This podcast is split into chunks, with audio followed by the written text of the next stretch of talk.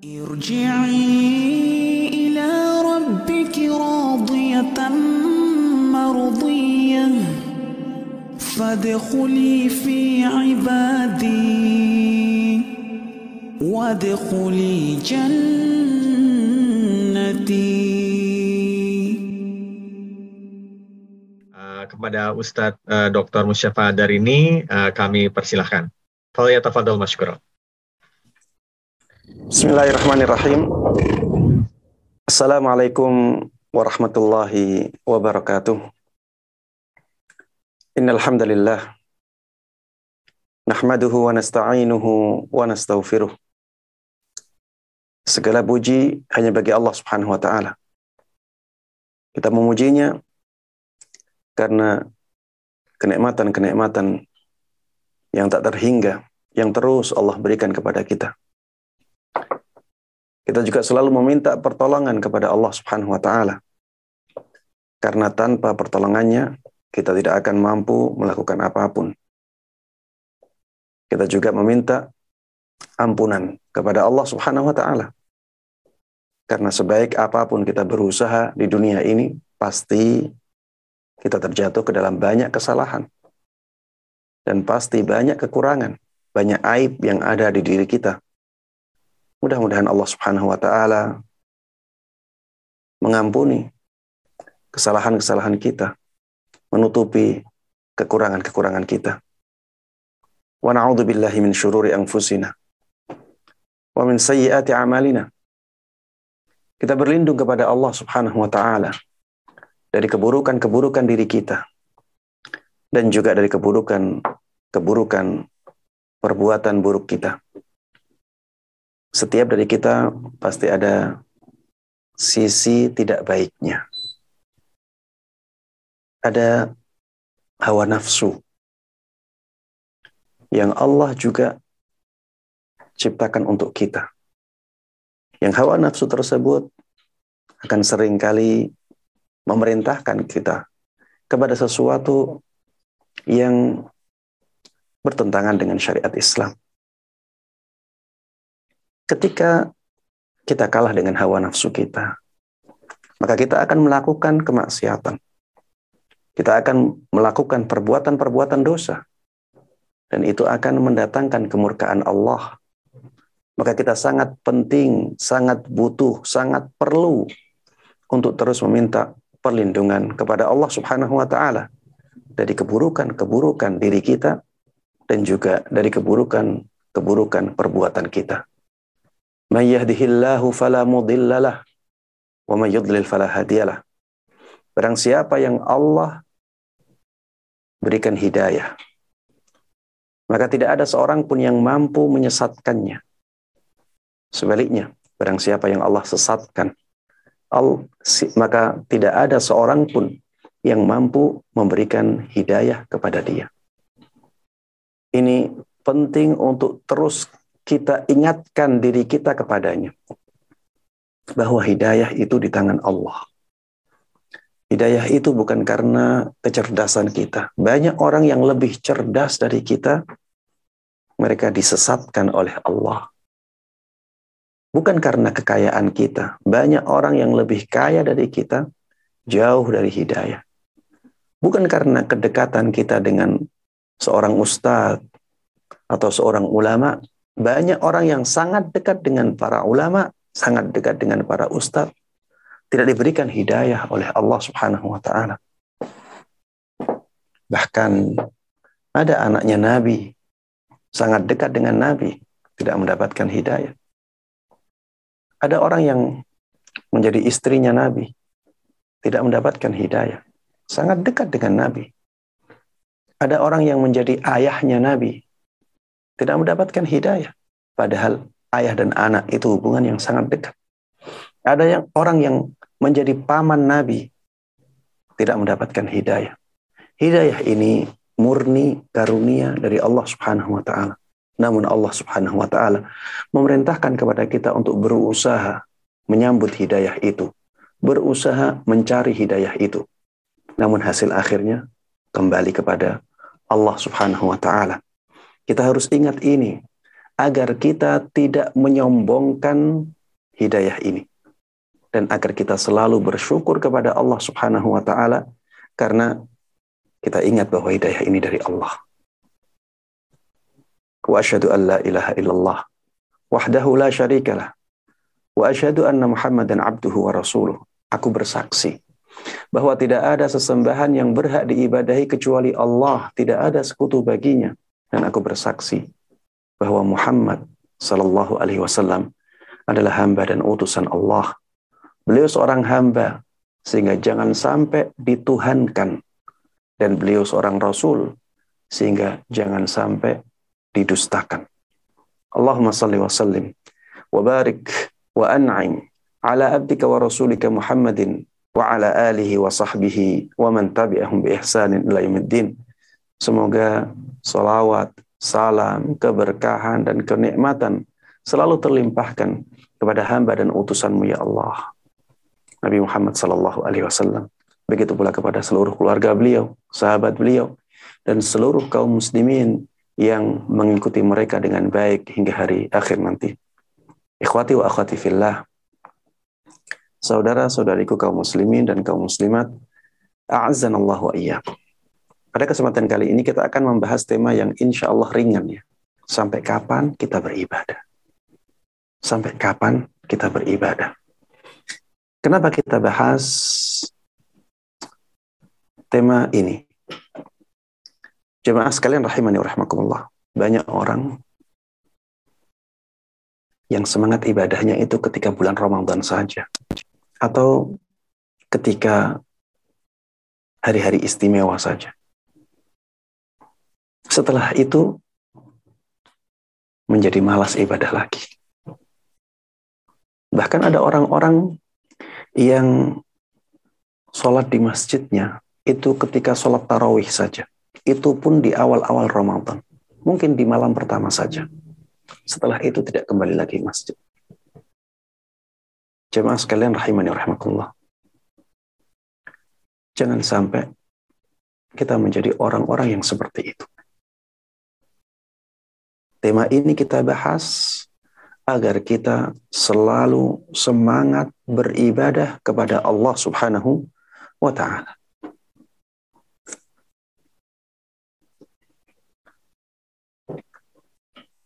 Ibadah.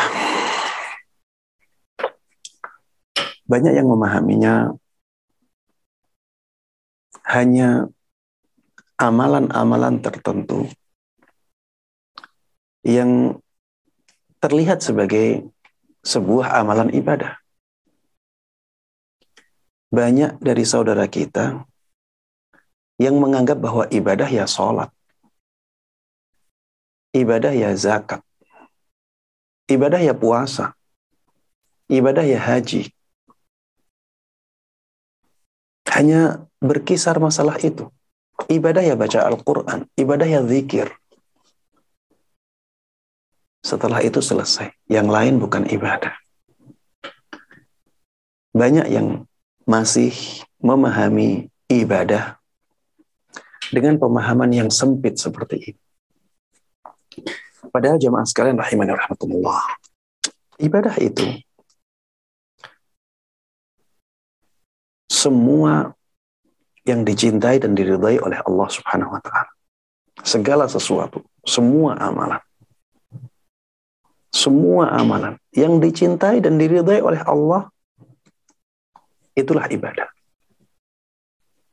Baik itu amalan hati berupa iman, keyakinan, ketundukan, kekhusyuan,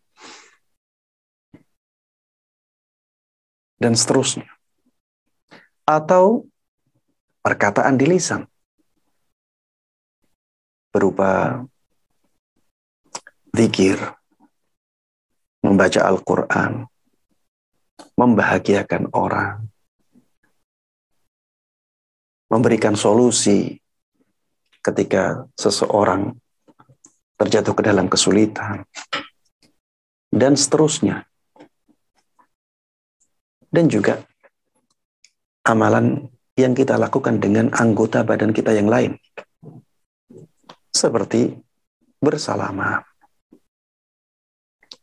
Seperti membantu orang lain dengan tangan kita. Contohnya lagi, misalnya kita menulis hal-hal yang baik. Di zaman kita ini kita sering menulis status yang isinya nasihat-nasihat kebaikan. Itu ibadah. Ya, segala sesuatu ya dari amalan-amalan yang dicintai dan diridhai oleh Allah Subhanahu wa taala itu masuk dalam kategori ibadah. Itu masuk dalam ranah ibadah. Ini yang perlu kita ingatkan diri kita kepadanya. Sehingga apa jamaah sekalian rahimani rahimakumullah, kita bisa menjadikan semua amalan kita menjadi ibadah. Kita bisa menjadikan semua amalan kita menjadi menjadi ibadah. Kita makan. Kelihatannya bukan ibadah. Tapi kalau kita makannya, tujuan kita adalah untuk menguatkan diri kita dalam melakukan ibadah, maka makan itu jadi ibadah karena makan yang niatnya seperti itu dicintai dan diridhai oleh Allah Subhanahu wa taala. Kita tidur. Kalau niatnya adalah untuk agar kita bisa kuat untuk sholat malam misalnya. Maka tidur yang seperti itu menjadi dicintai dan diridhai oleh Allah Subhanahu wa taala. Kita bekerja. Tiap hari kita bekerja karena kita punya tanggung jawab keluarga ketika kita bekerja, kita niatkan untuk menunaikan kewajiban kita sebagai kepala rumah tangga, mencarikan nafkah anak istri kita. Maka yang sepertinya pekerjaan duniawi itu menjadi diridhai dan dicintai oleh Allah bernilai ibadah. Inilah pentingnya kita memahami bahwa ibadah itu bukan hanya amalan-amalan yang terlihat ibadah. Ibadah itu jauh lebih luas dari itu semua amalan yang dicintai dan diridhai oleh Allah Subhanahu wa taala semuanya bernilai ibadah. Semuanya menjadi ibadah dan mendatangkan pahala bagi siapa pun yang melakukannya. Jemaah sekalian rahimani wa rahimakumullah. Sampai kapan kita beribadah? Jawabannya kita semuanya tahu sampai mati. Kita beribadah sampai mati. Sampai ajal menjemput kita. Itulah yang diperintahkan oleh Allah Subhanahu wa taala. Di dalam surat Al-Hijr, Allah Subhanahu wa taala mengatakan kepada Nabi kita Muhammad sallallahu alaihi wasallam, "Wa'bud rabbaka hatta ya'tiyakal yaqin." Beribadahlah engkau wahai Muhammad kepada Rabbmu sampai ajal yang sudah menjadi kepastian itu mendatangimu. Beribadahlah engkau kepada Rabbmu sampai ajal menjemputmu. Jamaah sekalian rahimani wa rahimakumullah.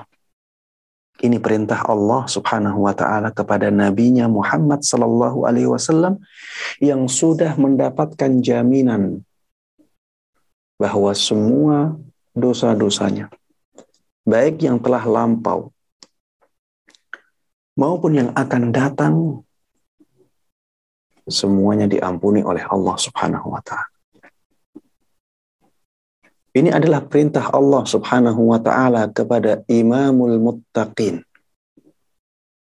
Sayyidul Mursalin. Imamul Muttaqin pemimpinnya orang-orang yang bertakwa. Sayyidul Mursalin penghulunya para rasul. Allah perintahkan untuk beribadah sampai ajal menjemputnya. Maka orang-orang yang di bawah beliau menjadi lebih pantas untuk mendapatkan perintah ini. Makanya jemaah sekalian rahimani rahimakumullah, kalau ada orang yang mengatakan ada si fulan menjadi wali Allah karena dia sudah mencapai derajat hakikat, maka dia tidak wajib lagi beribadah kepada Allah. Tidak wajib lagi sholat lima waktu. Karena kehidupan dia selalu dalam zikir kepada Allah. Dan itulah tujuan sholat. Itu kata mereka. Maka jangan sampai kita mendengar perkataan-perkataan yang menyimpang seperti ini. Rasulullah Shallallahu Alaihi Wasallam saja Allah perintahkan beribadah sampai meninggal, sampai beliau wafat. Apalagi orang-orang yang jauh di bawah beliau. Maka jemaah sekalian rahimani rahmatullah. Ingatlah terus bahwa kita beribadah sampai ajal menjemput kita. Dan juga di sana ya kalau kita melihat dalil-dalil syariat, banyak sekali dalil-dalil yang menunjukkan hal ini. Bahwa kita harusnya beribadah sampai ajal menjemput kita. Kalau kita belum sampai ajal, maka kita masih wajib beribadah. Kalau kita belum sampai ajal, maka kata istirahat harusnya kita singkirkan. Maksudnya istirahat dari beribadah. Jangan istirahat dari beribadah sebelum kematian mendatangi kita. Kita harus terus tunduk kepada Allah. Kita harus terus mentaati perintah-perintah Allah Subhanahu wa taala. Kita harus terus berusaha untuk menjadikan Allah Subhanahu wa taala ridha kepada kita. agar Allah Subhanahu wa taala terus mencintai kita. Itu kewajiban kita jemaah. Kita itu hamba sahayanya Allah. Allah yang menciptakan kita. Ya ayyuhan nas, u'budu rabbakum alladhi khalaqakum walladzina min qablikum. Wahai manusia, semuanya. Tidak terkecuali. Semuanya dipanggil oleh Allah, ya ayyuhan nas. Wahai manusia semuanya. U'budu rabbakum. Beribadahlah kalian kepada Rabb kalian. Kemudian Allah ingatkan kita. Siapakah Rabb kita ini? Alladhi khalaqakum. Dialah yang menciptakan kalian. Walladzina min qablikum. Dia juga yang menciptakan orang-orang sebelum kalian. Kita hamba sahayanya Allah. Kita diciptakan oleh Allah Subhanahu wa taala. Kita milik Allah kita sangat tergantung kepada Allah Subhanahu wa taala. Maka harusnya kita terus beribadah kepadanya. Harusnya kita terus berusaha untuk mencari ridhanya. Sebagaimana ketika kita menjadi pegawai di sebuah perusahaan. Kita menjadi pegawai di sebuah kantor. Kita selalu berusaha agar menjadikan atasan kita senang dengan kita, senang kepada kita. Bukankah demikian? Padahal atasan itu, kalau kita perhatikan ya, dia hanya memberi gaji kepada kita. Dan gajinya pun sering kali tidak sesuai dengan harapan kita. Kita ingin lebih dari itu. Itu saja kita berusaha untuk selalu ya eh, eh, menjalankan tugas dengan baik agar atasan kita senang dengan kita. Apalagi Allah Subhanahu wa taala jemaah sekalian. Allah yang menciptakan kita. Allah yang mengatur urusan kita. Allah yang kasih nikmat kita. Dan silahkan disebutkan nikmat-nikmat yang Allah berikan kepada kita dari mulai kita lahir sampai sekarang. Wa in ta'uddu ni'matallahi la tuhsuha. Apabila kalian berusaha untuk menghitung nikmat Allah, kalian tidak akan mampu menghitung semuanya. Ya, saking banyaknya. Allah yang demikian baiknya. Tidakkah kita berusaha untuk terus tunduk dan patuh kepadanya? Jemaah sekalian rahimani wa rahmatullah. Kenapa kita harus beribadah sampai ajal menjemput kita? Di antara alasannya, karena yang menentukan amalan kita adalah penutup amal itu. Ya. Yang menentukan amalan kita adalah penutupnya. Dan kita tidak tahu kapan kita dijemput oleh ajal. Kapan kita mati kita nggak tahu. Padahal amalan kita itu digantungkan kepada penutupnya. Kalau penutupnya baik, maka kita akan menjadi baik. Kalau penutupnya buruk, na'udzubillah min. Jangan sampai kita seperti itu. Kita tidak tahu kapan kita mati. Sedangkan kita harus menjadikan penutup amal kita harus baik. Konsekuensinya kita harus terus beribadah kepada Allah agar nantinya ketika Allah Subhanahu wa taala mewafatkan kita maka kita dalam keadaan yang baik. Kata Rasulullah sallallahu alaihi wasallam, "Innamal a'malu bil khawatim." Sesungguhnya amalan itu ditentukan oleh penutupnya. Amalan kita ditentukan oleh penutupnya. Jangan sampai kita ditutup oleh Allah Subhanahu wa taala dengan penutup yang tidak baik, jadinya suul khatimah. Selalu berharap kepada Allah Subhanahu wa taala agar Allah menutup kehidupan kita dengan kalimat la ilaha illallah. Rasulullah sallallahu alaihi wasallam pernah bersabda, "Man kana akhiru kalamihi la ilaha illallah dakhala al-jannah." Barang siapa yang akhir perkataannya adalah la ilaha illallah, maka dia pasti masuk surga. Mengapa kita harus beribadah sampai ajal menjemput kita? Jawabannya karena Allah Subhanahu wa taala memerintahkan kita untuk mencari bekal. Dan Allah tidak batasi waktunya. Allah katakan di dalam surat Al-Baqarah, "Watazawwadu fa inna taqwa." Carilah bekal. Sesungguhnya bekal yang paling baik adalah ketakwaan kepada Allah Subhanahu wa taala. Allah tidak katakan watazawwadu fi Ramadan. Carilah bekal di bulan Ramadan atau watazawwadu fi aw fi awal Hijjah. Carilah bekal di hari-hari pertama bulan Dhul Hijjah.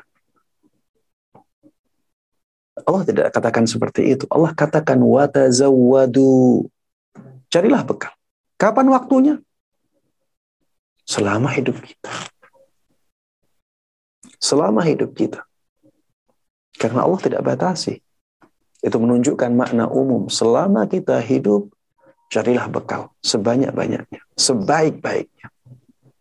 Dan bekal yang terbaik adalah ketakwaan kepada Allah Subhanahu wa taala. Dan kita tahu semuanya takwa adalah menjalankan perintah-perintah Allah Subhanahu wa taala dan menjauhi larangan-larangan Allah Subhanahu wa taala. Menjalankan semua perintah Allah itu dicintai oleh Allah, itu ibadah. Meninggalkan larangan-larangan Allah juga dicintai oleh Allah, itu ibadah. Seakan-akan Allah katakan, sebaik-baik bekal bagi kalian adalah beribadah kepada Allah Subhanahu wa taala. Karena semua ibadah adalah ketakwaan kepadanya. Jamaah sekalian rahimani wa rahimakumullah.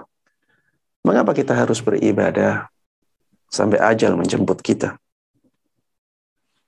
Karena termasuk tanda diterimanya suatu amalan adalah ketika amalan tersebut menarik amalan-amalan baik yang lainnya. Kata para ulama demikian. Kalau kita misalnya melakukan ibadah haji, maka tanda mabrurnya ibadah haji kita adalah ketika setelah melakukan ibadah haji, kita menjadi orang yang lebih baik daripada sebelumnya. Kalau setelah melakukan ibadah haji masih sama keadaannya dengan keadaan sebelumnya, maka takutlah kepada Allah bisa jadi ibadah hajinya tidak diterima oleh Allah Subhanahu wa taala. Maka jemaah sekalian rahimani rahimakumullah. Kalau kita melakukan amalan ibadah. berusahalah untuk terus melakukan ibadah setelahnya. Agar tampak pada diri kita tanda bahwa amalan ibadah kita sebelumnya itu diterima oleh Allah. Konsekuensinya apa? Konsekuensinya kita harus terus beribadah. Sampai kapan? Ya sampai mati. Sampai ajal menjemput kita. Kita ingin ada tanda-tanda diterimanya amal ibadah ada pada kita. Caranya dengan terus beribadah kepada Allah. Karena termasuk tanda amalan diterima oleh Allah Subhanahu wa taala apabila amalan tersebut menarik amalan baik setelahnya. Jemaah sekalian rahimani wa rahimakumullah. Kenapa kita harus beribadah kepada Allah Subhanahu wa taala sampai kematian mendatangi kita? Jawabannya di antaranya adalah karena Rasulullah Sallallahu Alaihi Wasallam dahulu mencontohkannya demikian. Rasulullah Sallallahu Alaihi Wasallam mencontohkan kepada umatnya untuk terus beribadah sampai ajal menjemput beliau. Laqad kana lakum fi Rasulillahi uswatun hasanah. Telah ada suri tauladan yang baik untuk kalian pada diri Rasulullah sallallahu alaihi wasallam. Liman kana yarjullaha wal yawmal akhir wa dzakarallaha katsira, yaitu untuk orang-orang dari kalian yang beriman kepada Allah. Dia mengharapkan rahmat dari Allah Subhanahu wa taala dan dia juga mengharapkan kebaikan dalam kehidupan akhirat dia.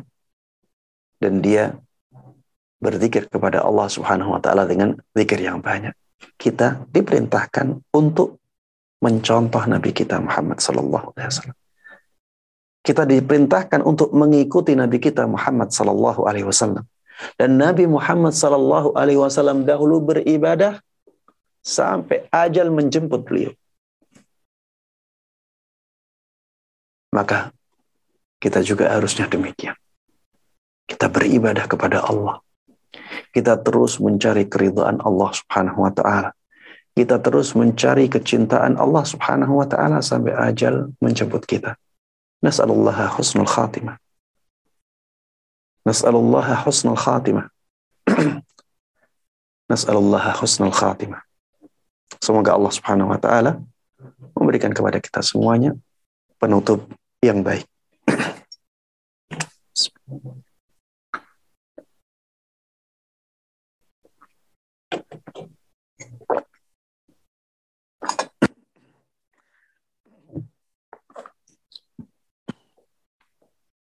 Jemaah sekalian rahimani warahmatullah. Mengapa kita harus beribadah sampai ajal menjemput kita? Di antara alasannya, karena amalan yang paling dicintai oleh Allah Subhanahu wa Ta'ala adalah amalan yang paling dirutinkan. Amalan yang paling kita rutinkan itu menjadi amalan yang paling dicintai oleh Allah. Baik, bagaimana agar amalan kita menjadi amalan yang paling kita rutinkan? Ya harus kita lakukan terus-menerus. Sampai kapan? Ya sampai meninggal. Sampai kita semuanya meninggal, mati. Rasulullah Shallallahu Alaihi Wasallam dulu telah bersabda, "Ahabul a'mali ilallahi adwamuha wa inqal. Amalan yang paling dicintai oleh Allah Subhanahu wa taala adalah amalan yang paling dirutinkan walaupun itu sedikit. Iya. Kita harus rutinkan amalan tersebut. Kita lakukan terus-menerus sampai Allah menghentikan kita. Kalau kita ingin sedekah kita menjadi amalan yang paling dicintai oleh Allah, lakukan sedekah secara rutin. Sesuai dengan kemampuan kita. Kalau kita ingin bacaan Al-Quran kita dicintai oleh Allah Subhanahu wa taala, sangat dicintai oleh Allah Subhanahu wa taala. maka rutinkan bacaan Al-Quran itu. Rasulullah Shallallahu Alaihi Wasallam dahulu merutinkan bacaan Al-Qur'annya di sholat malam beliau. Itu beliau lakukan terus menerus. Bahkan ibunda kita Aisyah radhiyallahu taala anha pernah mengatakan karena Rasulullah sallallahu alaihi wasallam idza amila amalan athbatah. Dahulu Rasulullah sallallahu alaihi wasallam ketika beliau melakukan suatu amalan, beliau jadikan amalan tersebut tetap. Ya, tetap terus menerus beliau lakukan. Karena beliau tahu bahwa amalan yang paling dicintai oleh Allah Subhanahu wa taala adalah amalan yang paling dirutinkan walaupun sedikit. Walaupun sederhana jemaah. Jadikan amalan baik itu menjadi amalan yang rutin kita lakukan. Jemaah sekalian rahimani wa rahimakumullah. Kenapa kita harus beribadah sampai ajal menjemput kita. Di antara jawabannya, karena itulah tujuan kita diciptakan. Tujuan utama kita diciptakan adalah untuk beribadah kepada Allah. وَمَا خَلَقْتُ الْجِنَّ jinna wal ins. Aku tidaklah ciptakan jin dan manusia kecuali agar mereka beribadah. Kecuali agar mereka beribadah. Kenapa kita ada di dunia? Kenapa Allah ciptakan kita? Kenapa kita terlahir di dunia ini? Tidak lain dan tidak bukan kecuali agar kita beribadah, kita menghamba, kita tunduk kepada Allah Subhanahu wa taala, kepada aturan-aturannya. Tidak lain kecuali agar kita selalu mencari ridha Allah. Selalu mencari kecintaan Allah Subhanahu wa taala. Ingat terus hal ini jamaah sekalian rahimani wa rahimakumullah. Ibadah adalah tu tujuan utama kita. Jangan sampai kita menjadikan tujuan utama kita diciptakan menjadi nomor yang paling akhir atau nomor sekian. Kita buru dunia, kita lalaikan akhirat. Ini orang yang paling merugi. Orang yang melalaikan akhirat, di lain sisi dia memburu dunia. Ini orang yang paling merugi. Kenapa? Karena dunia hanya sementara jamaah. Sedangkan akhirat selama-lamanya. Selama-lamanya. Bahkan Ibnu Qudamah rahimahullah ta'ala pernah menyampaikan bandingan perbandingan antara kehidupan dunia dengan kehidupan akhirat bisa jadi satu nafas, satu nafas yang kita lakukan di dunia ini bisa jadi bandingannya dengan waktu di akhirat mencapai miliaran tahun. Satu nafas di dunia bisa jadi bandingannya di akhirat sampai miliaran tahun. Dan perkataan beliau ini benar, bahkan lebih dari itu. Satu nafas lebih dari miliaran tahun. Karena di akhirat selama-lamanya. Sedangkan di dunia, sebagaimana kata Rasulullah Sallallahu Alaihi Wasallam, 60-70 tahun mayoritas umur umat ini. A'maru ummati ma baina sittina ila sab'in Umurnya umatku antara 60-70 tahun. Dan itu yang kita lihat. Bahkan banyak dari orang-orang yang ada di sekitar kita meninggal sebelum umur itu. Maka jemaah sekalian rahimani wa rahimakumullah. Jangan lupakan tujuan utama kita diciptakan. Jangan lupakan ibadah. Teruslah semangat untuk beribadah. Dan berusahalah untuk menjadikan kegiatan-kegiatan yang sebenarnya tujuannya duniawi kita jadikan sebagai amalan yang bernilai pahala. Ya. Misalnya, ya kegiatan sehari-hari kita. Yang di rumah, ibu-ibu, para ummahat yang di rumah.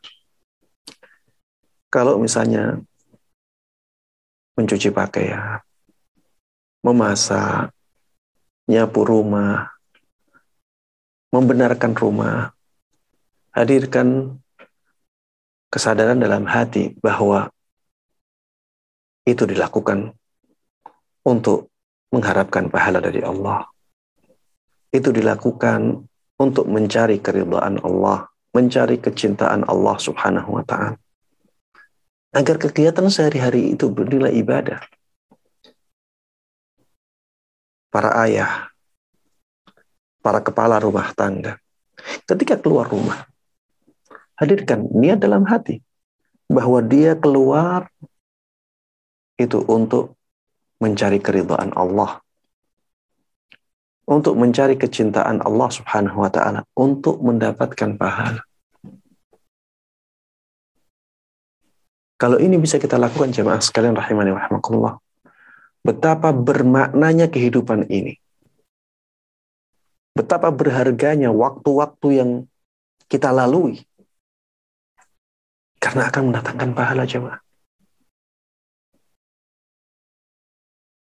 Inilah keuntungan besar bagi mereka yang tahu syariat Islam. Keuntungan besar bagi mereka yang selalu ingat kepada Allah Subhanahu wa taala. Jemaah sekalian rahimani rahimakumullah. Mungkin banyak dari kita yang sudah mengetahui sisi-sisi ini. Tapi tetap saja tidak semangat beribadah. Tetap saja malas-malesan. Maka jemaah sekalian rahimani rahimakumullah. Kalau kita ingin mendapatkan suntikan semangat beribadah kepada Allah Subhanahu wa taala, kita harus berusaha memang. tidak mungkin ya kita akan mendapatkan sesuatu yang istimewa dengan leha-leha, dengan tanpa usaha, dengan layah-layah. Kita memang harus punya usaha agar kita punya semangat beribadah. Kalau kita tidak berusaha, maka semangat ibadah kita akan terus kendor. Apalagi kalau kita melihat kanan kiri kita, jemaah. Iya, saya merasakan ya. Ketika saya di Madinah, kanan kiri Masya Allah, para mahasiswa, mereka belajar, dengan sangat tekun. Ada yang menghafalkan hadis, ya. Ada yang menghafalkan Al-Qur'an. Ada yang menghafalkan matan sebuah kitab, ya. Masya Allah. Lingkungan yang sangat kondusif itu memberikan kita suntikan untuk beribadah kepada Allah Subhanahu wa taala. Nanti ke Masjid Nabawi, Masya Allah orang-orang berdatangan dari segala penjuru dunia mereka berlomba-lomba untuk memperbanyak sholat di Masjid Nabawi, berzikir, dan seterusnya. Lingkungan seperti itu ya sangat uh, mempengaruhi kita untuk semangat beribadah kepada Allah Subhanahu wa taala. Pulang ke negeri ini. Banyak di kanan kiri kita orang-orang yang tidak demikian. Orang-orang yang lalai dengan dunia banyak. Ya, saya tidak katakan di negara Arab ya, tidak ada yang seperti itu, tidak. Tapi ketika saya di sana karena saya sebagai mahasiswa dan mahasiswa yang memang berkecimpung di ilmu keislaman yang ada di sekitar orang-orang yang memang belajar ilmu Islam dan mereka punya semangat yang tinggi untuk beribadah, untuk menuntut ilmu agama. Kemudian setiap hari juga ke Masjid Nabawi. Yang kita lihat juga orang-orang yang memang bersemangat untuk beribadah ke sana. Ketika sudah kembali ke Indonesia, suasana itu hilang. Kebanyakan yang ada ya orang-orang yang lalai. Orang-orang yang kurang bersemangat untuk beribadah. Kalau kita tidak punya usaha dari diri kita untuk memberikan suntikan semangat beribadah kepada Allah Subhanahu wa taala, maka lambat laun kita akan seperti yang lain. Kita akan sangat merugi sebagaimana orang-orang di sekitar kita yang tidak punya semangat ibadah ini merugi. Ya maaf sekalian rahimani rahimakumullah. Umur itu modal utama kita untuk mendapatkan kemuliaan akhirat. Subhanallah di dalam Al-Quran ya. Kita ngeri kalau membaca ayat-ayat yang menjelaskan tentang bagaimana penduduk neraka. Allah jelaskan keadaan-keadaan mereka di banyak ayat. Di antaranya di surat Fatir Ya, sebelum surat Yasin ada surat Fatir. Dua halaman sebelum surat Yasin Allah katakan wahum yastarikhuna fiha. Penduduk neraka itu menjerit-jerit. Mereka menjerit-jerit di dalam neraka. Memanggil-manggil. Siapa yang mereka panggil? Allah Subhanahu wa taala yang mereka panggil. Mereka mengatakan Rabbana akhrijna na'mal salihan ghairal ladzi kunna na'mal. Wahai Rabb kami, keluarkan kami dari neraka ini. Sehingga kami bisa beramal saleh yang dulunya kami tinggalkan. Mereka ingin dikembalikan ke dunia mereka ingin dikasih umur lagi. Mereka ingin dikasih modal utama untuk mendapatkan kemuliaan akhirat lagi. Apa kata Allah Subhanahu wa taala? Allah katakan awalam nu'ammirkum ma yatadzakkaru fihi man tadzakkar wa nadhir. Bukankah kami telah memberikan umur kepada kalian Bukankah kami telah memberikan umur kepada kalian yang dengan umur tersebut seseorang bisa mengingat Allah Subhanahu wa taala, bisa kembali kepada Allah Subhanahu wa taala. Sudah diberikan umur panjang. Kenapa kalian ketika diberikan umur yang panjang itu kalian sia-siakan sehingga kalian akhirnya masuk neraka? Bukankah telah datang kepada kalian orang-orang yang memberikan peringatan kepada kalian? Allah katakan seperti itu. Wajah akumun nadir. Sudah datang kepada kalian pemberi peringatan. Banyak yang sudah mengingatkan kalian. Kenapa kalian sia-siakan umur kalian? Fadhuku famalil zalimina min nasir. Rasakanlah siksa neraka itu.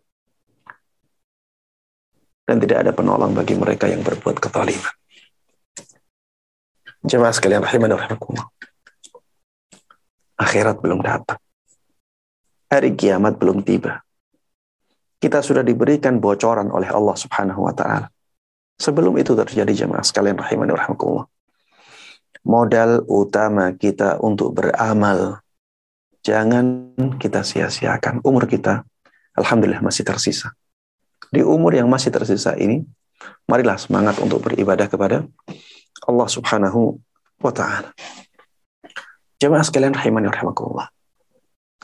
Di antara yang bisa kita usahakan agar kita selalu semangat beribadah kepada Allah adalah dengan mengingat bahwa dengan beribadah kepadanya maka kita akan bahagia. Hati kita akan tenang, hati kita akan tentram. Dan setiap dari kita pasti menginginkan kebahagiaan.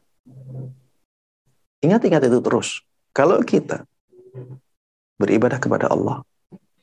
Kita banyak mendekat kepada Allah. Kita banyak mencari keridhaan Allah, kecintaan Allah. Hati kita akan tenang jemaah. Kita akan bahagia. Kalau ada orang-orang yang hatinya gelisah, hatinya tidak tenang, tidak tentram, maka harusnya dia ingat bahwa keadaan itu menunjukkan dia jauh dari Allah. Keadaan itu menunjukkan dia tidak dicintai oleh Allah.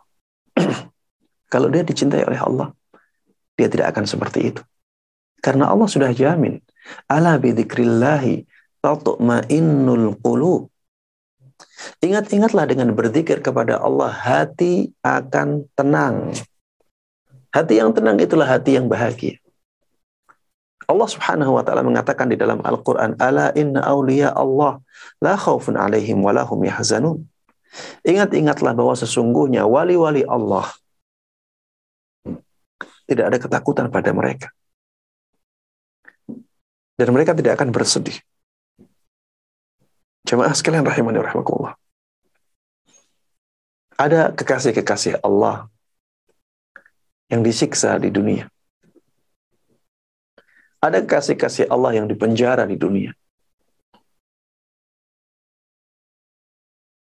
ada kasih-kasih Allah yang berusaha untuk disedihkan perasaan, diganggu perasaan. Tapi jemaah sekalian rahiman Kalau orang tersebut teguh dengan pendiriannya, mendekat kepada Allah, mencari keridhaan Allah, dia tidak akan bersedih. Kalau bersedih ada musibah, sedihnya menjadi ringan sekali. Kita kalau melihat cerita-cerita mereka yang semangat beribadah kepada Allah, mereka yang semangat untuk mendekat kepada Allah subhanallah, ya. Seakan-akan mereka hidup di surga yang ada di dunia ini. Walaupun keadaan mereka kekurangan. Beda dengan orang yang jauh dari Allah ya. Mereka akan semakin gelisah. Uangnya banyak tapi tidak merasakan keindahan dunia. Tidak merasakan kebahagiaan. Hatinya kering. Jemaah sekalian rahimani wa rahimakumullah. Hanya dengan ibadah. Kebahagiaan yang hakiki bisa kita raih. Coba, iya, bagi yang tidak, ya atau kurang percaya dengan ini. Coba dibuktikan saja. Dibuktikan saja kalau tidak percaya. Coba mulai sekarang, sholat malam. Di akhir malam, kalau misalnya subuh jam 4, bangun jam 3. Bangun jam 3. Kemudian sholat. Sholat, baca Al-Quran, bermunajat kepada Allah, berdoa kepada Allah. Lakukan itu setiap hari satu pekan saja. Dan lihat perubahan perasaan yang ada di hati kita. Sangat jauh berbeda jemaah. Ustaz, sholat malam susah Ustaz. Kita tidurnya harus malam, dan setelah itu kita capek. Biasanya kita bangun ya jam 7. Kalau bisa bangun sholat subuh saja sudah sudah sangat bagus. Taib. Kalau masih susah, coba baca surat Al-Baqarah. Baca surat Al-Baqarah setiap hari. Semampunya. Baca surat Al-Baqarah setiap hari semampunya. Dan berjalan satu pekan. Pasti ada perubahan perasaan yang ada dalam hati kita itu sudah dijamin jemaah. Kalau kita ingin bahagia, yang hakiki, lakukan itu. Jemaah sekalian rahimani wa rahimakumullah.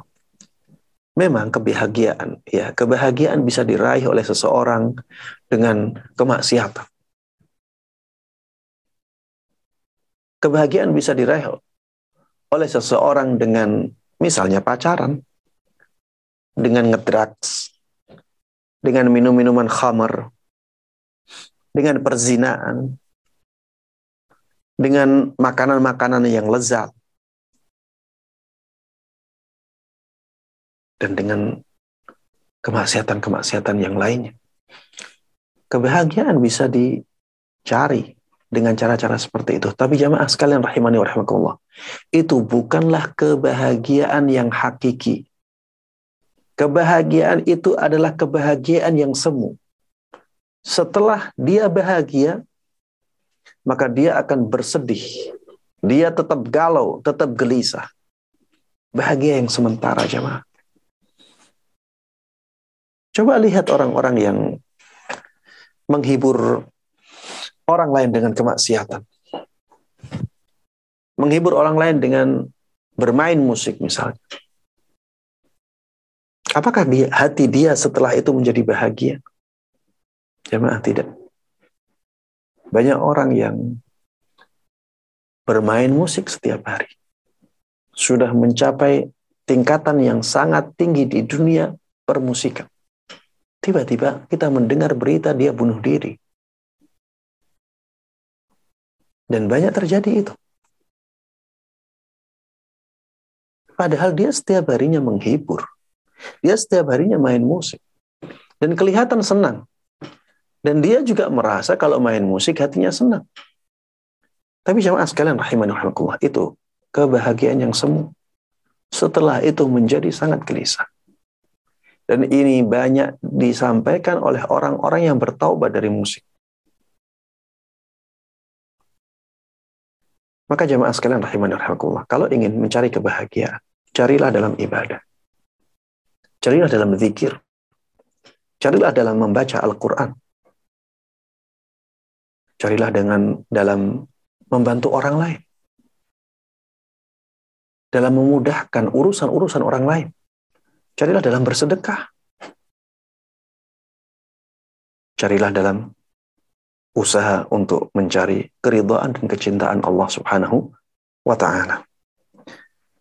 Di dalam Al-Qur'an disebutkan, "Wa man a'rada 'an dzikri fa inna lahu ma'isyatan dhanka." Di surat Thaha Allah katakan, barang siapa yang berpaling dari berzikir kepadaku, dia tidak mau berzikir, tidak mau mengingat aku, fa inna lahu ma'isyatan dhanka. Maka orang tersebut akan mendapatkan kehidupan yang sempit. Kehidupan yang tidak enak. Inilah yang dikatakan oleh Allah Subhanahu wa taala. Jemaah sekalian rahimani wa rahimakumullah. Termasuk di antara yang bisa menjadikan suntikan semangat untuk beribadah kepada Allah adalah dengan selalu mengingat bahwa ibadah itu juga bisa membuka jalan rezeki. Semua bentuk ibadah itu bisa memudahkan jalan rezeki seseorang. Ini yang jarang disadari. Dan bahkan sering kali seseorang berpikiran sebaliknya. Banyak sekali orang yang berpikiran kalau kita mendekat kepada Allah Subhanahu wa taala dalam kehidupan kita, maka rizki kita akan sempit. Padahal jamaah sekalian rahimani rahimakumullah, Allah menjelaskan di dalam Al-Qur'an dalam banyak ayat dengan penjelasan yang sebaliknya. Justru anggapan bahwa ibadah atau mendekat kepada Allah itu bisa menyempitkan jalan rizki seseorang. Ini adalah anggapan yang disebarkan oleh syaitan. Memberikan rasa takut kepada kita untuk taat kepada Allah. Di dalam surat Al-Baqarah Allah katakan, "Asyaitanu ya'idukumul faqra wa ya'murukum bil fahsya. Wallahu ya'idukum maghfiratan minhu wa fadla. Wallahu wasi'un alim." Allah katakan syaitan itu menakut-nakuti kalian dengan kefakiran. Iya. Syaitan selalu menakut-nakuti kita. Eh, jangan lakukan sesuatu yang eh, bernilai ibadah. Ya, nggak usah banyak ibadah. Nggak usah mendekat kepada Allah. Nggak usah ada semangat untuk menerapkan syariat Allah. Nanti kamu jadi fakir. Ini yang Allah katakan di dalam surat Al-Baqarah. Al asyaitanu ya'idukumul faqr. Syaitan itu menakut-nakuti kalian dengan kefakiran. Wa ya'murukum bil fahsya. Dan syaitan memerintahkan kalian untuk melakukan perbuatan-perbuatan keji. Syaitan kasih eh, semangat untuk berzina agar dapat uang.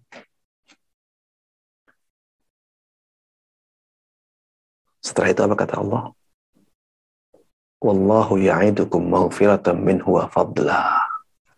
Sedangkan Allah Subhanahu wa taala memberikan janji kepada kalian untuk memberikan ampunan dari dosa-dosa kalian. Dan Allah berjanji atau memberikan janji kepada kalian kalau kalian mentaati Allah maka kalian mendapatkan karunia dari Allah Subhanahu wa taala. Karunia. Karunia ini bisa berupa harta, bisa berupa rezeki secara umum, bisa berupa pahala. Wallahu wasi'un alim. Dan Allah itu maha luas karunia dan Allah maha mengetahui keadaan seorang hamba. Jemaah sekalian rahimani wa rahimakumullah.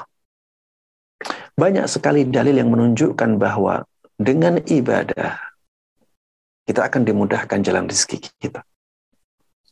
Di antaranya firman Allah Subhanahu wa taala, "Wa may yattaqillaha yaj'al lahu makhraja wa yarzuquhu min haitsu la yahtasib. Barang siapa yang bertakwa kepada Allah Subhanahu wa taala, Allah akan kasih solusi untuk kehidupan dia. Dan Allah kasih rizki kepada dia dari jalan yang tidak dia sangka-sangka. Ketika seseorang bertakwa, Allah kasih rizki dari jalan yang tidak dia sangka-sangka. Di dalam ayat yang tadi saya sebutkan, wa ma khalaqtul jinna wal insa illa liya'budun. Aku tidaklah ciptakan jin dan manusia kecuali agar mereka beribadah kepada Allah. Apa setelah itu kata Allah? Ma uridu minhum min rizqin wa ma uridu ayyut'imun. Aku tidak mengharapkan mereka memberikan rizki kepada aku. Aku juga tidak mengharapkan mereka memberikan makan kepadaku. Innallaha huwa razzaq dhul quwwatil matin. Sesungguhnya Allah lah yang maha pemberi rizki. Allah lah yang maha kuat. Allah maha berkuasa untuk me menyampaikan rizki kepada orang yang beribadah kepada dia. Allah di sini jemaah sekalian rahimani wa memerintahkan kita untuk beribadah. Setelah itu Allah menyinggung rizki. Ibadah itu bukan untuk Allah subhanahu wa ta'ala, untuk menambah kemuliaan Allah misalnya. Allah tidak membutuhkan ibadah kita. Tapi manusialah yang sangat membutuhkan ibadah itu. Dengan ibadah itu Allah akan memberikan rizki kepada dia.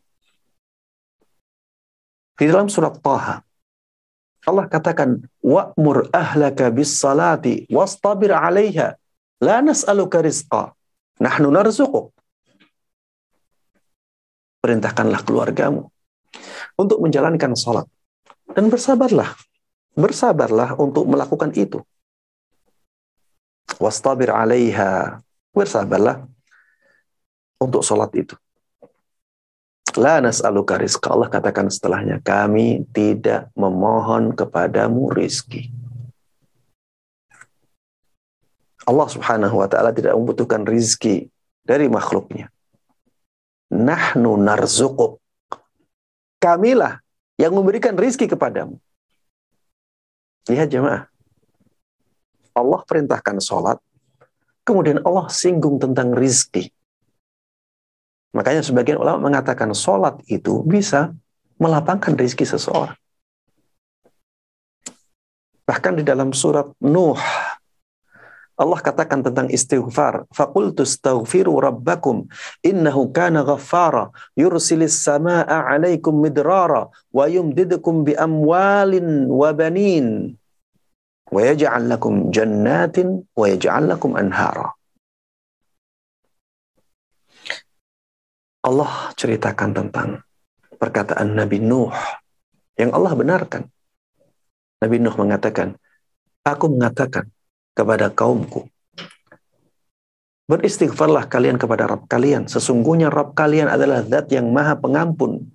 Kalau kalian melakukan hal tersebut, niscaya Allah subhanahu wa ta'ala akan turunkan hujan yang lebat kepada kalian. Dan Allah akan berikan kepada kalian harta yang melimpah. Ini kata Allah subhanahu wa ta'ala. Ya, uh, ini kata Nabi Nuh yang Allah ceritakan di dalam surat Nuh dan Allah benarkan itu. Ini menunjukkan bahwa ini benar-benar akan terjadi apabila kita beristighfar dan itu adalah ibadah kepada Allah Subhanahu wa taala. Makanya jemaah sekalian rahimani rahimakumullah. Jangan sampai kita percaya kepada setan yang menakut-nakuti kita dengan kefakiran tapi kita tidak percaya kepada Allah Subhanahu wa taala yang memberikan janji-janji kebaikan kepada kita. Jadilah hamba Allah yang benar-benar mencari keridhaannya. Punya semangat untuk mencari kecintaan Allah Subhanahu wa taala. Kemudian jemaah sekalian rahimani rahimakumullah. Masih banyak yang lain ya. Namun saya eh, berikan satu yang tidak ingin saya tinggalkan dalam kesempatan ini. Kalau gini, kalau kita ingin mendapatkan suntikan semangat untuk beribadah kepada Allah Subhanahu wa taala. Di antara cara yang paling jitu adalah mengingat surga Allah. Mengingat surga Allah. Bagaimana kenikmatan di surga itu? Dan kita ingat bahwa surga yang luar biasa itu tidak mungkin kita dapatkan kecuali dengan beribadah kepada Allah. Allah katakan, "A'dadtu salihin." Aku telah persiapkan kepada hamba-hambaku yang saleh. Garis bawahi kata-kata saleh. Allah persiapkan untuk hamba-hambanya yang saleh. Siapa hamba-hambanya yang saleh? hamba-hambanya yang banyak beribadah kepada. Apa yang Allah persiapkan untuk orang-orang yang saleh ini? Mala ainun ra'at wala udunun sami'at wala khatar ala qalbi bashar. Kenikmatan yang tidak pernah dilihat oleh mata. Kenikmatan yang tidak pernah didengar oleh telinga bahkan kenikmatan itu tidak pernah dibayangkan oleh hati manusia Itulah surga Allah subhanahu wa ta'ala. Jemaah sekalian rahimani wa rahmatullah. Silahkan menghayalkan semua kenikmatan yang paling tinggi dalam hayalan kita. Silahkan menghayalkan kenikmatan yang paling tinggi yang dimampui oleh hati kita. Yang dimampui oleh pikiran kita. Kenikmatan surga di atas itu. Dan ini tidak mungkin bisa kita dapatkan jamaah sekalian rahimani wa rahimakumullah kecuali dengan tunduk kepada Allah. Dengan beribadah kepada Allah. Selalu mencari keridhaan dan kecintaan Allah subhanahu wa ta'ala. Allah subhanahu wa ta'ala mengatakan, Innal muttaqina fi dhilalin wa uyun. Di dalam surat Al-Mursalat, Allah katakan, sesungguhnya orang-orang yang bertakwa, mereka berada di tempat-tempat teduh di bawah-bawah pohon surga yang sangat teduh, sangat asri. Wa'uyun, mereka juga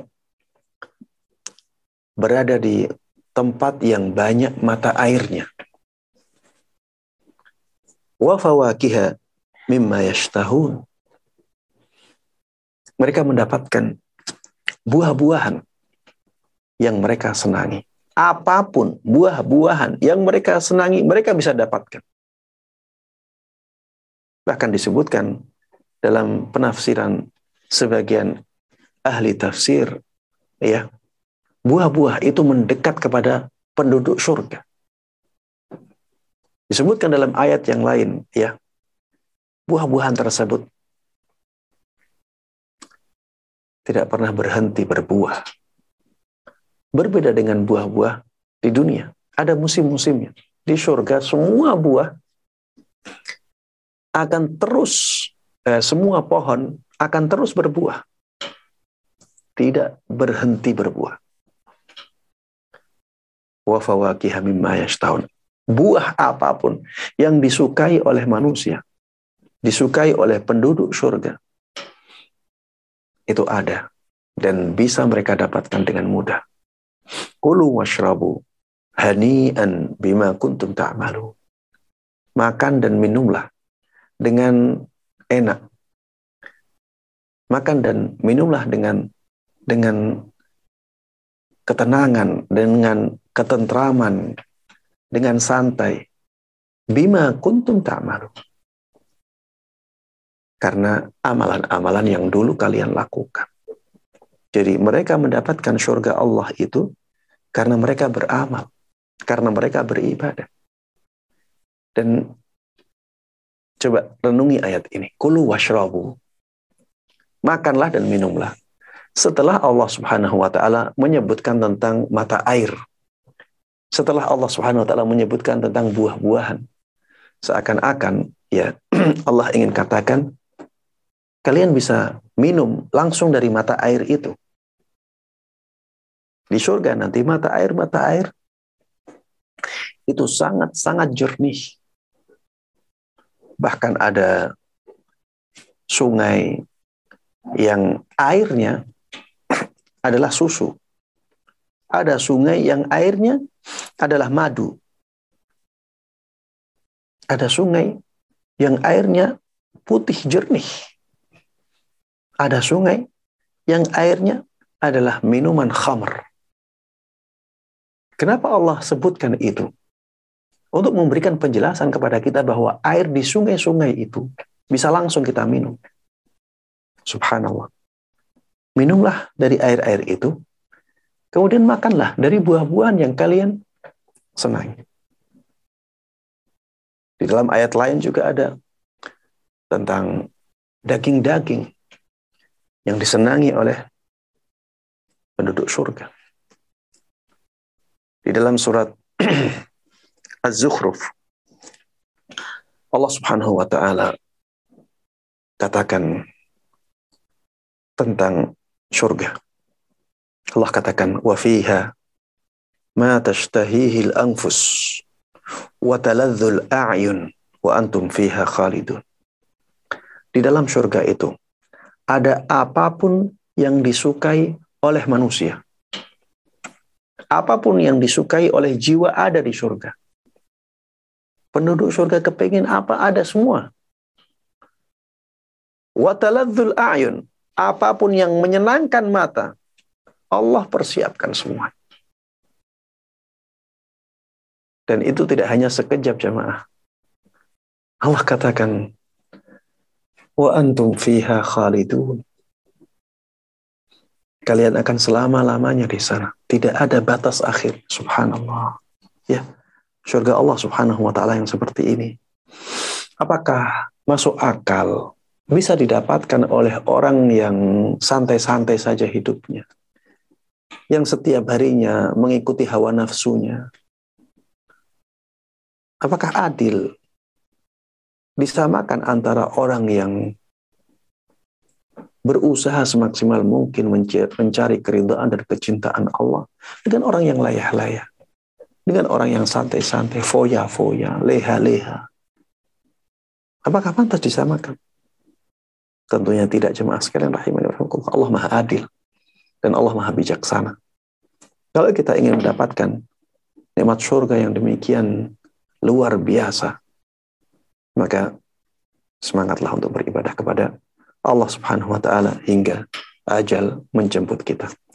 Demikian jemaah sekalian rahimani rahimakumullah yang bisa saya sampaikan dalam kesempatan kali ini. Mudah-mudahan bermanfaat dan saya berharap mudah-mudahan kajian ini memberikan keberkahan kepada kita semuanya sehingga kita menjadi hamba-hamba Allah yang terus punya punya semangat untuk beribadah kepadanya hingga ajal menjemput kita semuanya. Amin amin ya rabbal alamin. Sallallahu wasallam wa baraka ala nabiyina Muhammadin wa ala alihi wa sahbihi wa man tabi'ahum bi ihsanin ila yaumiddin. Wa subhanakallahumma wa bihamdika asyhadu an la ilaha illa anta astaghfiruka wa atubu ilaik. Assalamualaikum warahmatullahi wabarakatuh. Waalaikumsalam warahmatullahi wabarakatuh. Jazakumullah khairan katsiran atas materi yang sudah disampaikan oleh Ustadz. Ustadz mohon izin sedikit waktunya untuk uh, ada beberapa pertanyaan yang mungkin akan ditanyakan. Apakah ya, berkenan Ustadz? Oke okay, Ustadz ini ada uh, pertanyaan dari salah satu uh, peserta kajian ya dari Ibu Ayu. Jadi beliau menanyakan bagaimana uh, apabila orang tuanya yang sudah berusia lanjut rajin beribadah, namun uh, masih juga uh, melakukan beberapa uh, ibadah yang uh, dinilai uh, bid'ah gitu Ustaz. Apakah uh, semua amalannya itu ini mungkin kekhawatiran seorang anak pada orang tuanya apakah kemudian uh, diterima amal ibadahnya, kemudian nasibnya bagaimana kelak? Mungkin Ustaz bisa jelaskan. Pak yang. Baik. Iya. Bagaimana ketika seseorang punya semangat ibadah, tapi ibadahnya tidak semuanya sesuai dengan tuntunan Nabi kita Muhammad Sallallahu Alaihi Wasallam. Iya, apabila kita mendapat, mendapati orang tua kita seperti ini, berusahalah untuk memberikan nasihat kepada orang tua tersebut. Ya, dengan nasihat-nasihat yang tidak menusuk hatinya. Berikan pemahaman bahwa ibadah yang beliau lakukan tidak pernah dilakukan oleh Nabi. Tidak pernah dilakukan oleh para sahabatnya. Sudah kasih pemahaman seperti itu dulu. Kalau ingin menyibukkan diri dengan ibadah, ini ada ibadah yang dulu dilakukan oleh Rasulullah. Dulu dilakukan oleh para sahabat ganti ibadah-ibadah itu dengan ibadah-ibadah yang pernah dilakukan oleh Nabi dan kasih kesadaran. Misalnya ibu yang ibu lakukan itu dulu tidak pernah dilakukan oleh Rasulullah. Kalau ingin mencari amalan ibadah yang dilakukan oleh Rasulullah, ganti dengan ini. Kalau ingin melakukan ibadah yang dulu dilakukan oleh Rasulullah dan para sahabatnya, ini ada ada ibadah yang yang jelas-jelas dasarnya. Dikasih ibadah-ibadah yang mampu dilakukan oleh oleh beliau. Agar ya kita bisa mengubah ya mengubah yang tidak baik menjadi menjadi baik. Ustaz gimana kalau sulit Ustaz? Sulit memberikan nasihat. Mungkin kalau kita tidak bisa melarang orang tua kita melakukan ibadah yang tidak sesuai dengan tuntunan, ya sibukkan orang tua kita dengan ibadah-ibadah yang sesuai dengan tuntunan. Ya kadang orang tidak mau ya meninggalkan yang sudah menjadi kebiasaannya. Coba bayangkan kalau kita di posisi orang tua. Bisa jadi kita lebih buruk dari itu. Misalnya kita ya, dididik dengan ibadah yang tidak sesuai dengan tuntunan itu sampai umur 50 tahun. Kita tahunya itu ya ibadah. Tiba-tiba setelah itu anak kita datang, terus dia mengatakan, Ibu, yang selama ini ibu lakukan itu tidak sesuai dengan tuntunan. Jadi yang selama ini ibu lakukan itu tidak diterima semuanya oleh Allah. Kalau bahasa kita seperti itu, ya bisa jadi ibunya akan marah. Kalau itu seorang ayah, bisa jadi ayahnya marah. Dan akhirnya menjadi dinding pemisah antara nasihat kita dengan hati beliau. Maka kita lihat-lihat ya cara mana yang paling pantas atau paling tepat atau paling besar maslahatnya untuk orang tua kita. Ya, kadang-kadang dengan cara menyibukkan orang tua dengan amalan-amalan yang disyariatkan. Walaupun beliau masih melakukan amalan-amalan yang tidak disyariatkan. Sambil sesekali menyampaikan ya bahwa Rasulullah tidak pernah seperti itu. Bahwa para sahabat yang dulu sangat semangat dalam beribadah tidak pernah memilih ibadah yang seperti itu. Adapun apakah kalau orang tua kita masih melakukan ibadah-ibadah yang tidak sesuai dengan tuntunan maka semua ibadahnya tidak diterima oleh Allah? Jawabannya tidak jemaah. Jawabannya tidak demikian. Ibadah-ibadah yang tidak diterima oleh Allah hanya ibadah-ibadah yang tidak sesuai dengan tuntunan. Yang sesuai dengan tuntunan masih diterima oleh Allah Subhanahu wa taala selama amalan yang tidak sesuai dengan tuntunan tersebut tidak mengeluarkan dia dari keislaman.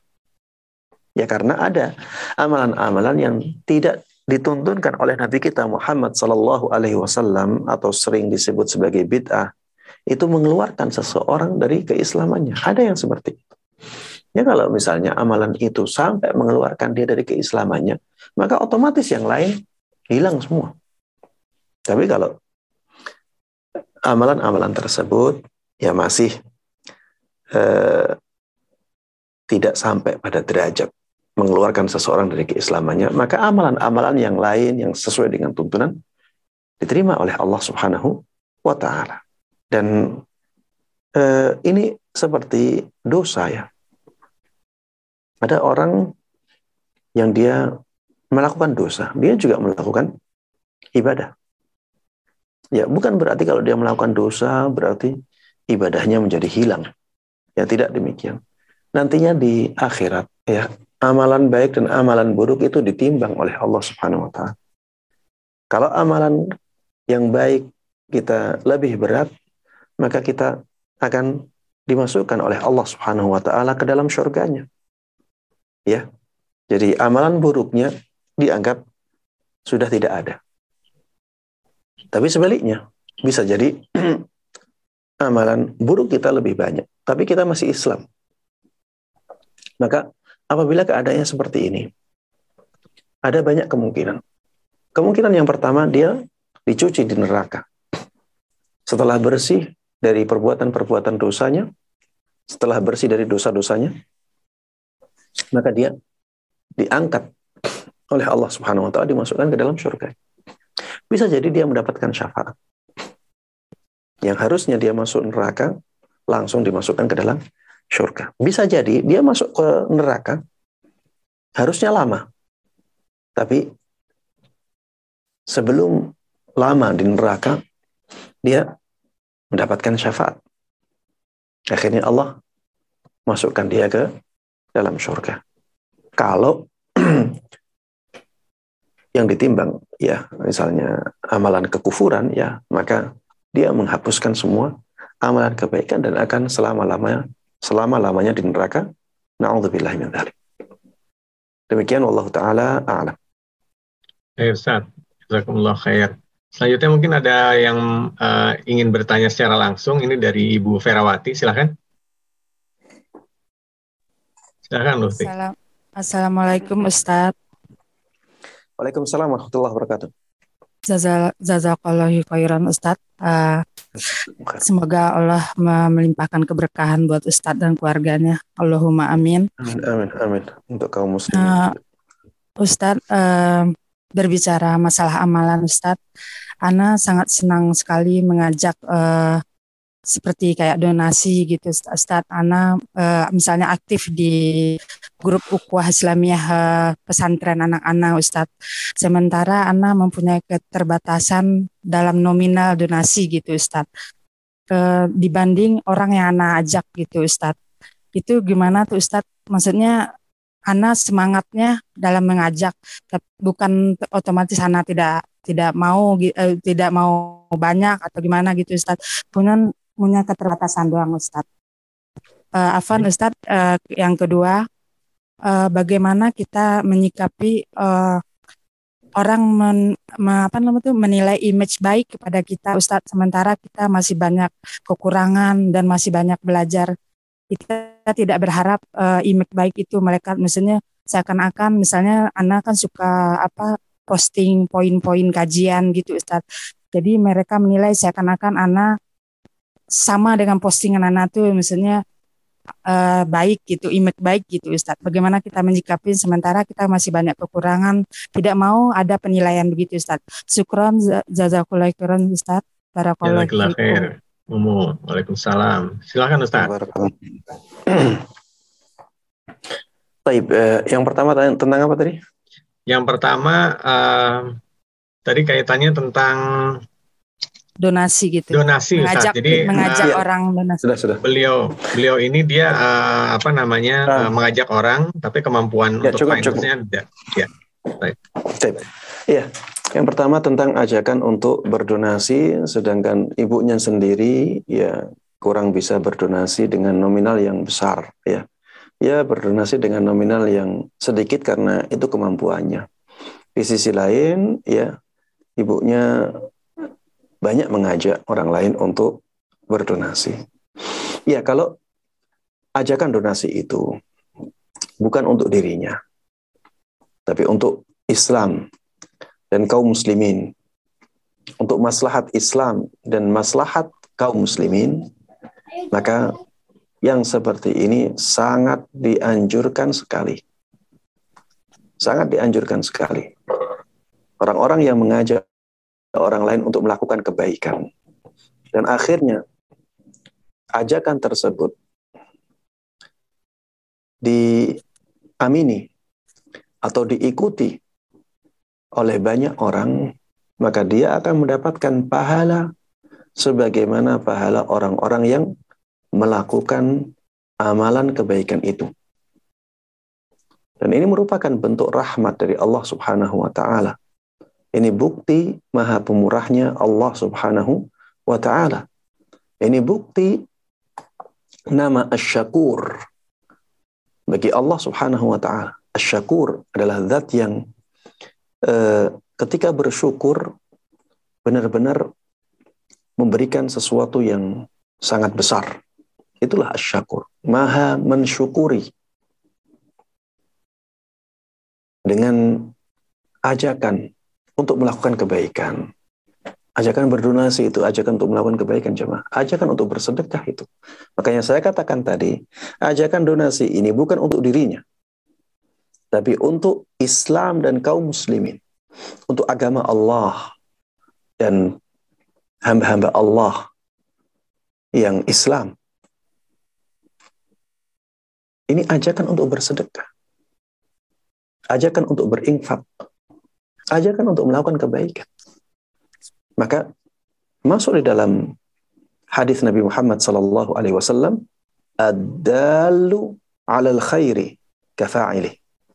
Orang yang menunjukkan kebaikan kepada orang lain itu seperti orang yang melakukannya. Ya, kalau misalnya dia ngajak orang lain atau kita ngajak orang lain untuk bersedekah, untuk berdonasi. Akhirnya banyak orang yang donasi. Maka kita mendapatkan pahala seperti mereka yang berdonasi. Ya, kita mendapatkan pahala seperti mereka yang berdonasi. Baik, ini yang yang pertama ya. Saya katakan itu amalan yang sangat baik. Walaupun kenyataannya ya kita tidak mampu untuk berdonasi dengan nominal yang besar. Tapi Ya jangan sampai kita tidak berdonasi sama sekali. Kita ada usaha juga untuk berdonasi sesuai dengan kemampuan masing-masing orang lain juga. Ya. Kita tidak bisa memaksa orang lain untuk berdonasi dengan nominal yang besar. Ya kita hanya ngajak mereka berdonasi dengan nominal yang besar. Alhamdulillah. Berdonasi dengan nominal yang kecil juga Alhamdulillah. Sesuai dengan kemampuan masing-masing. Kemudian pertanyaan yang kedua, bagaimana uh, menjaga hati kita ya, menjaga hati kita uh, dengan uh, pandangan orang lain ya yang terlalu baik kepada kita. Ya ini juga banyak terjadi pada uh, ustadz-ustadz ya. Dikiranya ustadz itu seperti yang dikatakan semuanya. Banyak orang yang menganggap demikian. Apa yang dikatakan oleh ustadz pasti sudah dia lakukan. Belum tentu jemaah. Belum tentu. Kalau harus seperti itu, nanti tidak ada ustadz yang berani menyampaikan. Tidak ada ustadz yang berani menyampaikan materi ilmu Islam Atau kalau ada, sangat sedikit sekali. Karena eh, sulit ya mencapai tingkatan itu. Tidak boleh menyampaikan amal kebaikan kecuali setelah melakukannya. Ini sesuatu yang sangat sulit ya. Mungkin masuk dalam taklifu malayutok itu. Membebani sesuatu yang di luar kemampuan. Banyak ya Ustadz yang menyampaikan materi tapi dia belum belum bisa sepenuhnya melakukannya. Dan ini tidak tercela jemaah. Tidak tercela ketika seseorang menyampaikan kebaikan walaupun dia sendiri belum bisa melakukannya dengan sempurna. Karena kita diperintahkan untuk menyampaikan ilmu. Balighu anni walau ayat. Sampaikan dariku walaupun hanya satu ayat. Rasulullah Shallallahu Alaihi Wasallam tidak memberikan syarat kalian harus melakukan dahulu. Iya. Kalau misalnya ada image dari orang lain yang seperti itu, orang lain melihat kita sempurna misalnya, maka ya kita harus jaga hati. Kita harus jaga hati kalau ada misalnya pujian-pujian yang disampaikan kepada kita, selalu katakan Alhamdulillah. Alhamdulillah. Dan renungi kata Alhamdulillah itu. Bahwa pujian itu semuanya yang berhak adalah Allah. Ya, bukan Alhamdulillah maksudnya ini loh saya. Bukan seperti itu ya. Ketika kita katakan Alhamdulillah. Itu semuanya dari Allah. Ya, yang pantas untuk dipuji Allah. Sampaikan itu kepada orang yang memuji kita. Itu karena Allah yang memudahkan saya melakukan itu. Bukan karena kehebatan saya, bukan karena uh, uh, usaha dari saya, ya. Itu semuanya adalah taufik dari Allah Subhanahu wa taala. Kalau saya tidak dikasih taufik, tidak dikasih kemudahan oleh Allah, tidak ditolong oleh Allah, maka kita tidak uh, bisa melakukan apa pun, ya. Ini agar kita terus bisa, bisa menjaga terus ya hati kita. Begitu pula ingatlah ya bahwa semua kebaikan kita itu dari Allah. Semua kebaikan yang ada di hati di diri kita, di hati kita, di amalan kita, itu semuanya dari Allah Subhanahu wa taala. Yang yang miliki kita itu Allah. Ya. Yang punya nyawa kita Allah, yang punya badan kita Allah. Sehingga semua ya kebaikan yang ada di kita itu sebenarnya Allah Subhanahu wa taala yang pantas untuk dipuji eh, ya. Pantas untuk dilihat baik ya. Adapun kita kita hanya sebagai hamba Allah yang banyak kekurangan hamba Allah yang banyak cacatnya banyak aibnya hanya saja sering kali seseorang tidak melihat hal tersebut ya. Ada sebagian ulama yang mengatakan kalau seandainya dosa itu punya bau yang busuk maka tentunya tidak ada seorang pun yang mau mau duduk di dekat saya. Kalau seandainya dosa itu punya bau yang busuk, tidak ada seorang pun yang mau duduk dekat dengan saya. Ya, itulah kenyataannya, jemaah. Setiap dari kita itu pasti punya kesalahan, punya kekurangan, punya aib, ya. Eh, kita harus terus mengingat itu agar kita bisa tetap menjaga ketawaduan kita, kita tetap bisa menjaga kerendahan hati kita ya. Balil insanu ala nafsihi basirah manusia itu lebih tahu tentang keadaan dirinya. Ya. Kalau kita bandingkan antara kebaikan kita dengan keburukan kita kita banding bandingkan ya kita akan dapati ya keburukan kita kekurangan kita lebih banyak. Ya demikian Allah taala Ya Ustaz, jazakallah khair. Mungkin ini ada satu pertanyaan Ustaz. Jadi beliau ini bertanya, Uh, bagaimana kiranya kalau misalkan uh, kita meminta sesuatu atau kita beribadah dengan niat untuk dunia, misalkan untuk memperoleh uh, kemudahan dalam uh, pekerjaan atau harta itu ya. Dan uh, itu bagaimana bagaimana itu hukumnya dan kemudian uh, kalau misalkan kita meminta itu, bukankah segala sesuatu itu sudah ditentukan uh, rizkinya oleh Allah dan terus sudah mungkin sudah tertulis dalam mahfuz 50 ribu tahun sebelum lahir dan bumi diciptakan. Silakan Ustaz. Taib. Bolehkah kita ber, beribadah dengan niat duniawi? Para ulama mengatakan kalau murni untuk dunia maka tidak boleh.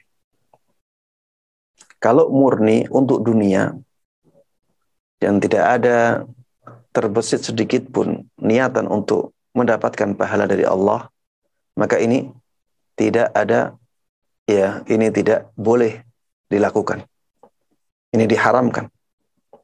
Masuk dalam firman Allah Subhanahu wa taala Man kana yuridul hayat dunya wa zinataha nuwaffi ilaihim a'malahum fiha nuwaffi ilaihim a'malahum fiha wa hum fiha la yubkhasun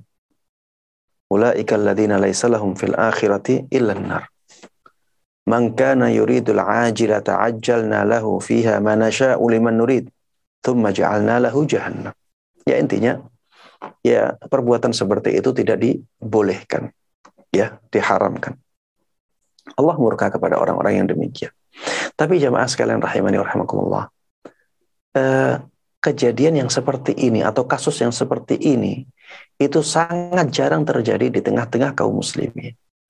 Kita sulit untuk membayangkan ada orang yang dia percaya kepada Allah, dia percaya kepada pahala, percaya kepada hari akhir, kemudian beribadah hanya untuk manfaat duniawi. Ini kita sulit membayangkan. Kalau dia percaya Allah, dia percaya hari akhir, percaya pahala, maka kalau dia beribadah, dia pasti ya ada campuran akhiratnya. Itu yang eh, keadaan yang yang normal seperti itu.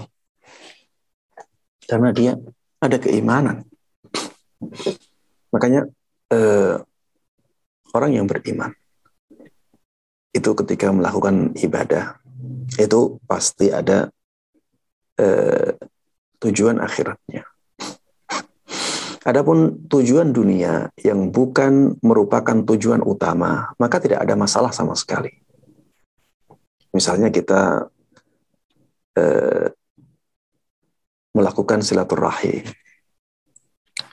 tujuan kita untuk mencari pahala dari Allah itu tujuan tujuan utamanya, tujuan kita untuk beribadah kepada Allah itu tujuan utamanya. Kemudian kita juga ada tujuan agar rezeki kita dilapangkan oleh Allah, umur kita dipanjangkan oleh Allah. Maka tidak ada masalah. Tidak ada masalah jemaah. Kenapa tidak ada masalah? Karena Rasulullah Shallallahu Alaihi Wasallam sebutkan itu. Rasulullah tidaklah menyebutkan itu kecuali karena hal itu boleh menjadi dorongan kita untuk beramal. Tapi karena ini ibadah, harus ada harapan balasan dari Allah Subhanahu wa taala, maka kita harus ada tujuan akhiratnya harus ada tujuan akhiratnya. Tujuan akhirat berupa pahala dari Allah, berupa keridhaan dari Allah, kecintaan dari Allah. Itu harus ada dan dan itu menjadi dasar. Adapun campuran-campuran setelahnya, sampingan-sampingan setelahnya, maka tidak ada masalah. Kalau Rasulullah Shallallahu Alaihi Wasallam sudah menjelaskan bahwa silaturahim bisa melapangkan rizki, silaturahim bisa memanjangkan umur, bagaimana kita bisa katakan tidak boleh meniatkan itu? Rasulullah sudah katakan. Bagaimana kita katakan tidak boleh? Allah Subhanahu wa taala mengatakan bahwa istighfar bisa mendatangkan harta yang melimpah. Mengapa kita katakan setelah itu tidak boleh kalau kita istighfar niat kita di antaranya adalah untuk melapangkan harta kita. Allah katakan di dalam Al-Quran seperti itu. Dari mana kita melarang manusia untuk menyemangati diri kita dengan sesuatu yang disebutkan oleh Allah? Kalau Allah katakan, "Wa yattaqillaha yaj'al lahu min amrihi yusra." Barang siapa yang bertakwa kepada Allah, Allah akan mudahkan semua urusannya. Urusan dunia, urusan akhirat akan Allah mudahkan. Dari mana kita melarang orang-orang untuk bertakwa kepada Allah dengan niat yang seperti itu. Ya, pembahasan kita adalah ketika seseorang sudah melakukan ibadah untuk mengharapkan pahala, untuk mengharapkan keridhaan dan kecintaan Allah. Setelah itu dia ada tambahan-tambahan seperti itu. Pembahasan kita tentang ini. Maka apabila pembahasan kita tentang ini kita kita bolehkan, tidak ada masalah. Allah sebutkan itu. Dalam Al-Quran, Rasulullah SAW juga banyak menyebutkan di dalam hadis beliau. Ya, Intinya, kalau murni untuk pahala duniawi, maka para ulama mengatakan tidak boleh. Tapi saya katakan tadi, jarang dari kaum muslimin yang melakukan ini. Biasanya orang-orang yang seperti itu adalah orang-orang yang tidak beriman kepada Allah, kepada hari akhir.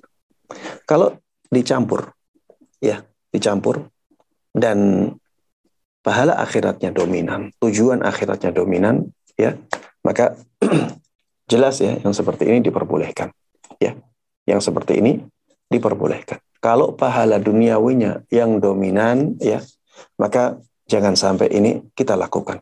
Kita harus lebih mengedepankan pahala akhirat, pahala dunia ini hanya sebagai sampingan saja. Kemudian jemaah sekalian rahimani rahimakumullah, ya, penting bagi kita untuk melakukan suatu amalan benar-benar lebih menjadikan pahala akhirat itu dominan agar kita tidak kecewa.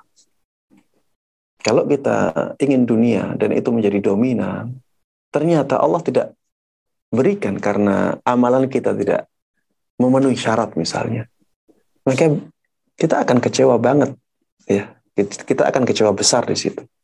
Berbeda kalau misalnya kita e, melakukan amalan ibadah, niat akhirat kita sudah dominan, maka ketika misalnya kita tidak merasakan adanya pahala duniawi yang Allah berikan saat itu, kita tidak merasa e, e, rugi sama sekali. Kita tidak akan merasa kecewa karena yang menjadi e, sesuatu yang kita harapkan yang paling dominan adalah pahala akhirat dan itu pasti akan Allah berikan. Ya, demikian Allah taala. Jazakumullah khair. Barakallah fikum Ustaz. Uh, masih boleh Ustaz bertanya? Sudah ya. Satu pertanyaan ada, lagi Ustaz. Ya? Satu pertanyaan. Ada janjian apa? dengan teman. Oh gitu. Uh, selesai apa? Boleh satu pertanyaan lagi Ustaz? Ini singkat aja. Jadi ini dari satu Baik. satu apa satu oh, di sini kemudian dia bertanya ini kaitannya memang uh, sering kali ditemukan oleh orang-orang yang uh, sedang berhijrah dalam tanda kutip ya. Artinya dia merasa lebih nyaman saat ini untuk uh, apa lebih sering ini perempuan ya Ustaz. Uh, ahwat uh, lebih sering uh, apa lebih senang untuk sering uh, berada di rumah, melakukan ibadah, apa kemudian menyimak kajian-kajian online dan dan mengurangi waktu-waktunya untuk keluar. Nah, ini keluar ini bersama teman atau keluarga. Nah, ini uh, bagaimana Ustadz nih uh, di, uh, beliau ini agak khawatir terkait respon uh, lingkungan lingkungan sekitarnya entah keluarganya atau lingkungan temannya jadi takut di, dikatakan sombong atau sebagainya gitu mohon masukannya Ustadz oh, Iya, ya ini sebenarnya eh, gaya hidup yang sudah sangat sesuai dengan tuntunan syariat ya. Allah katakan dalam Al-Qur'an di dalam surat Al-Ahzab, "Waqarna fi buyutikunna." Hendaklah wanita-wanita itu eh, hendaklah kalian sebagai wanita ya itu menetap di rumah-rumah kalian. Waqarna fi buyutikun. Hendaklah kalian sebagai wanita menetap di rumah-rumah kalian. Ya. Eh, adapun akhirnya berkonsekuensi eh, dilihat buruk oleh orang lain ya. Ada konsekuensi eh, di dijauhi oleh orang lain ya. Itu sesuatu yang eh, yang menjadi apa ya eh, sebab akibat ya. Itu resiko itu resiko resiko kita ketika mendekat kepada Allah ada resikonya ada ujian yang harus kita eh, jalani Apakah ketika kita diuji oleh Allah dengan ujian itu kita masih tegar dengan eh, kebaikan kita ataukah tidak. Ya kita tidak perlu ya, tidak perlu kita hiraukan atau pedulikan eh, hal-hal yang seperti itu. Ya pandangan manusia itu tidak merubah hakikat kita di mata Allah Subhanahu wa taala. Yang penting kita eh, melakukan sesuatu sesuai dengan tuntunan ya. Yang penting kita hidup sesuai dengan aturan Allah Subhanahu wa taala dan sesuai dengan yang diinginkan uh, oleh Rasulullah Sallallahu Alaihi Wasallam sudah ya uh, nanti Allah Subhanahu Wa Taala yang akan uh, mengondisikan keadaan kita.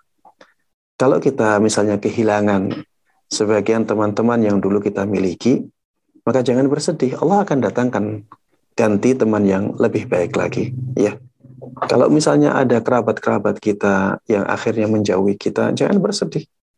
Allah akan datangkan orang-orang yang bukan kerabat kita tapi lebih mencintai kita daripada kerabat-kerabat kita itu. Jangan bersedih. Yang penting ya, yang penting kita tidak ada tindakan untuk menjauhi mereka. Tidak ada keinginan dari kita untuk memutus tali kekerabatan kita. Niat kita adalah untuk uh, menjadikan kehidupan ini benar-benar sesuai dengan tuntunan Nabi kita Muhammad Sallallahu Alaihi Wasallam. Ya, ketika Allah menginginkan kita banyak tinggal di rumah ya sudah, banyak tinggal di rumah, jangan keluar kecuali keadaan sangat membutuhkan sekali atau keadaan eh, darurat ya. Kalau misalnya kita masih bisa di rumah, ya kerjakan di rumah. Kalau harus keluar baru baru kita keluar karena eh, adanya eh, tuntutan untuk keluar rumah. Ya demikian, Allah Ta'ala alam. Jazakumullah khair, Barakallahu. Uh, mungkin terakhir ikhtitam Ustaz kajian kita pada malam hari ini. Baik. Alhamdulillahilladzi bi ni'mati tatimmu. Segala puji bagi Allah Subhanahu wa taala yang dengan kenikmatan-kenikmatannya amal-amal saleh menjadi sempurna. Alhamdulillah jemaah sekalian rahimani rahmatullah. Kita sudah sampai di penghujung pertemuan kita.